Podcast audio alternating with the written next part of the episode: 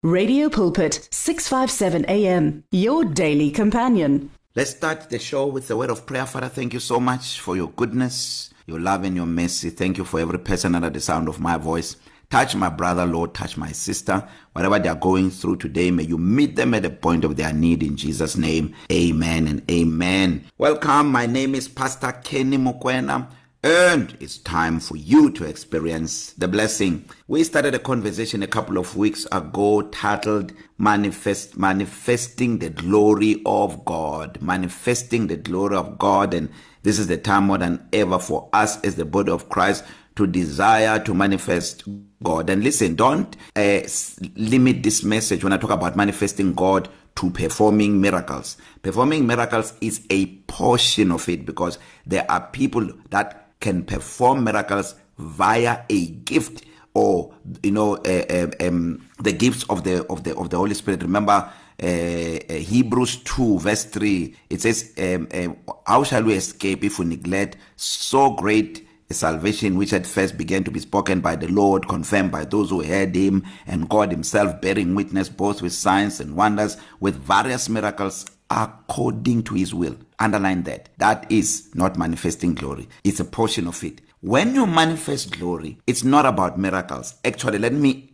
even give it to you right now insofar as glory manifestation is concerned miracles become one of the features and when it comes to manifesting glory it's no longer about as god wills as god wills Uh, let's say you stand in front of a person to pray for a person, and in your mindset, as God wills. So it's not every person who's going to be healed. Look at Jesus when he was on the earth. He healed everyone. They brought to them the sick. He healed them all. Acts 10:38 how God anointed Jesus Christ of Nazareth with the Holy Spirit and with power, who went about doing good and healing all those who were oppressed of the of the devil. When you operate in the glory, in the glory realm, there is no sickness that can that can um, uh, uh, resist you in fact th- when jesus talks about uh, uh, when they brought a paralytic and they could not heal that paralytic uh, and they said to to to to Jesus the disciples said to Jesus why couldn't we heal this uh, why why couldn't we cast the devil out and then he they, they Jesus said uh, because of your unbelief because of your unbelief. And then he said, But this kind does not go except by prayer and fasting. So a lot of people interpret this to mean this kind of demon cannot go except by prayer and fasting. Mm-mm, it's not a demon.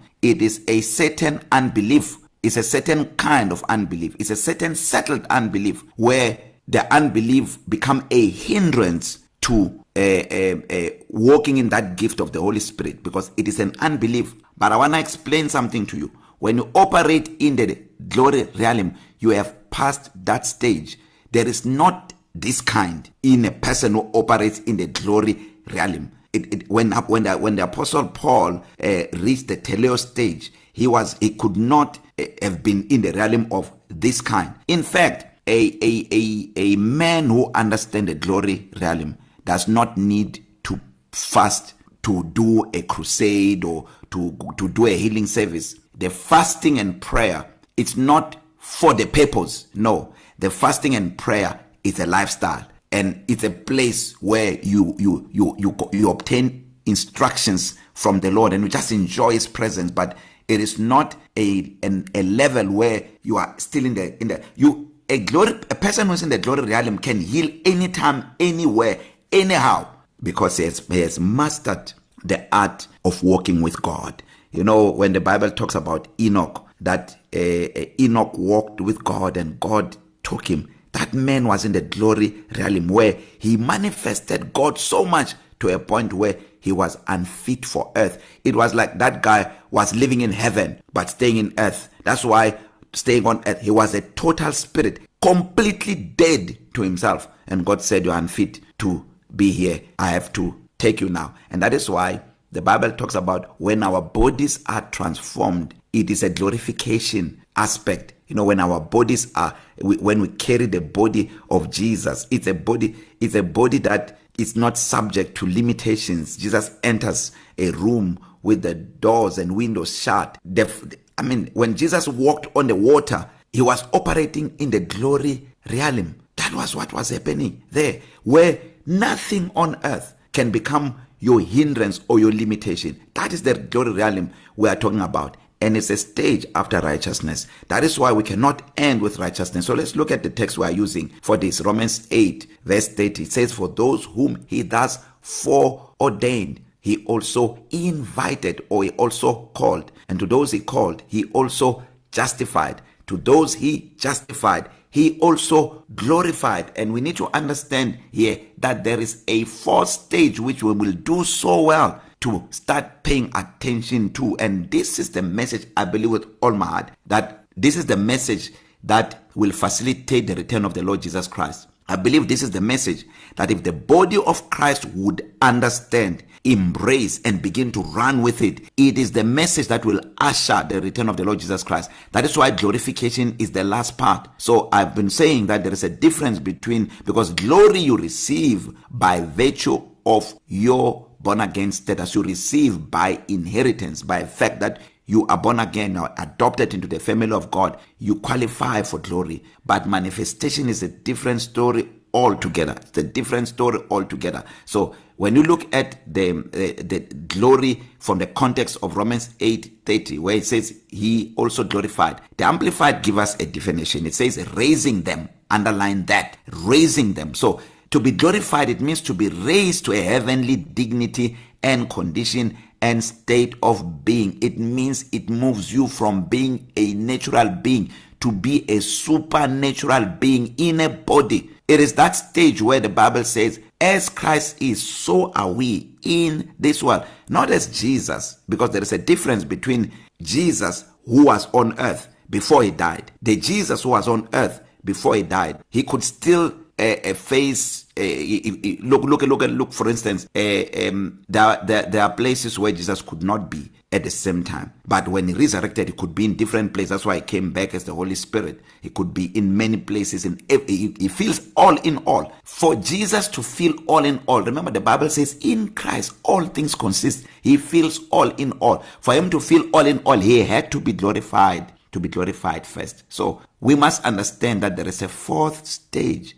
that we need to grow into and that fourth stage is the glorification is the glorification stage so we said glory uh, means it, it, it comes from the uh, greek word doxa which means the unspoken manifestation of god it's it's, it's god's splendor it, it, it it's what makes god who he is the qualities that makes god god it is it is the it is the divine nature you know when we talk about the divine nature we're talking about the attributes that makes god god So that is the divine part we're talking about. So glory is the is the unspoken manifestation of God.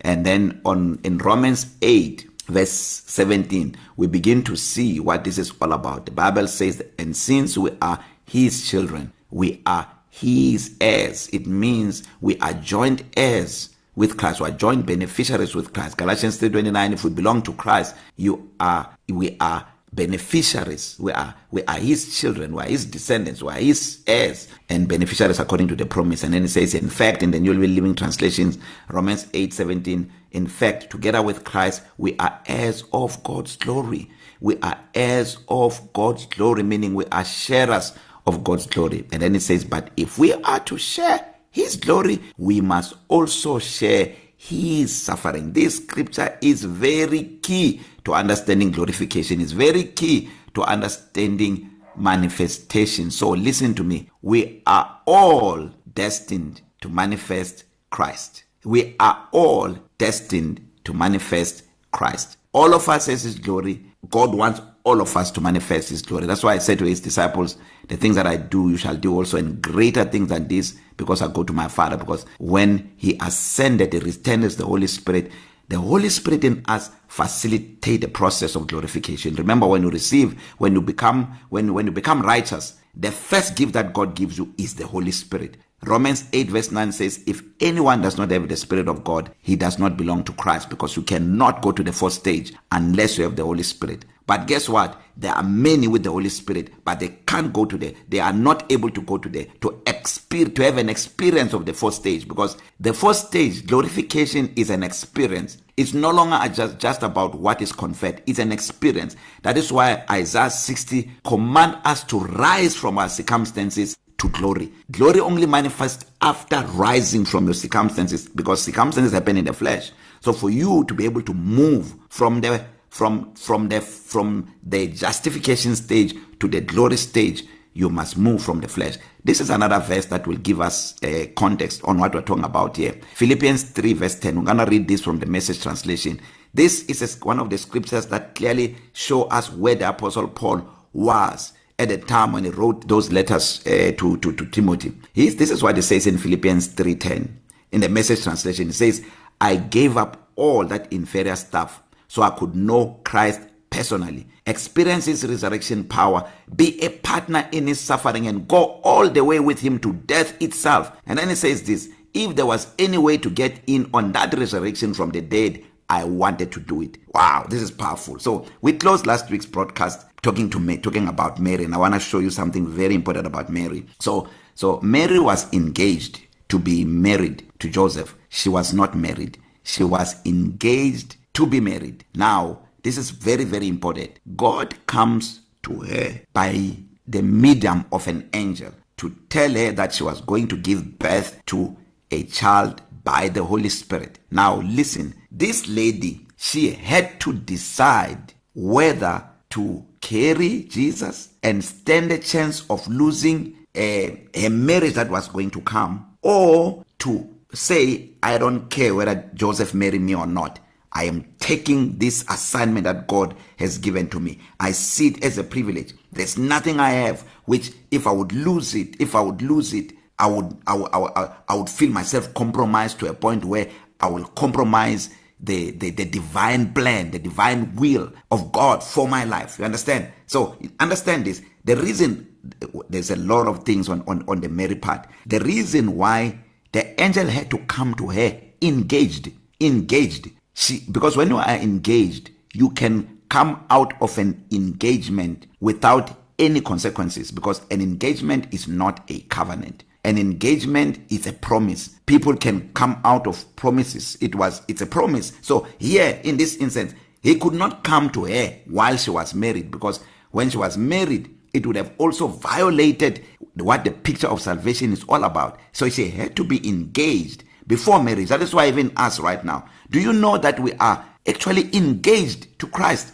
That is why a lot of people are falling away. They are falling away. Now, the marriage itself is going to take place when we are raptured, when we are united with the with with with with, with the Lord. There will be the marriage of the lamb. Now where the engagement now comes into conclusion. Now, here's what I'm trying to say Mary could not give birth to Christ because when we talk about manifesting the glory, we're talking about manifesting Christ. Remember, Shadrach, Meshach, and Abednego, when they were thrown into the fire, who manifested? Christ. That was glory in manifestation. That is why I was saying to you, miracles don't necessarily mean that you're manifesting Christ when a miracle has been performed. It includes that. But remember in, in Egypt, Moses also, when he threw the snake down, when he threw the rod and it became a snake, the magicians also threw down and and and and, and there were snakes. There are people that perform miracles by a wrong spirit. But in this instance, Mary had to give herself fully to God. She, when she said, Let it be done to me according to your word, she was fully yielded. She did not consider any consequences.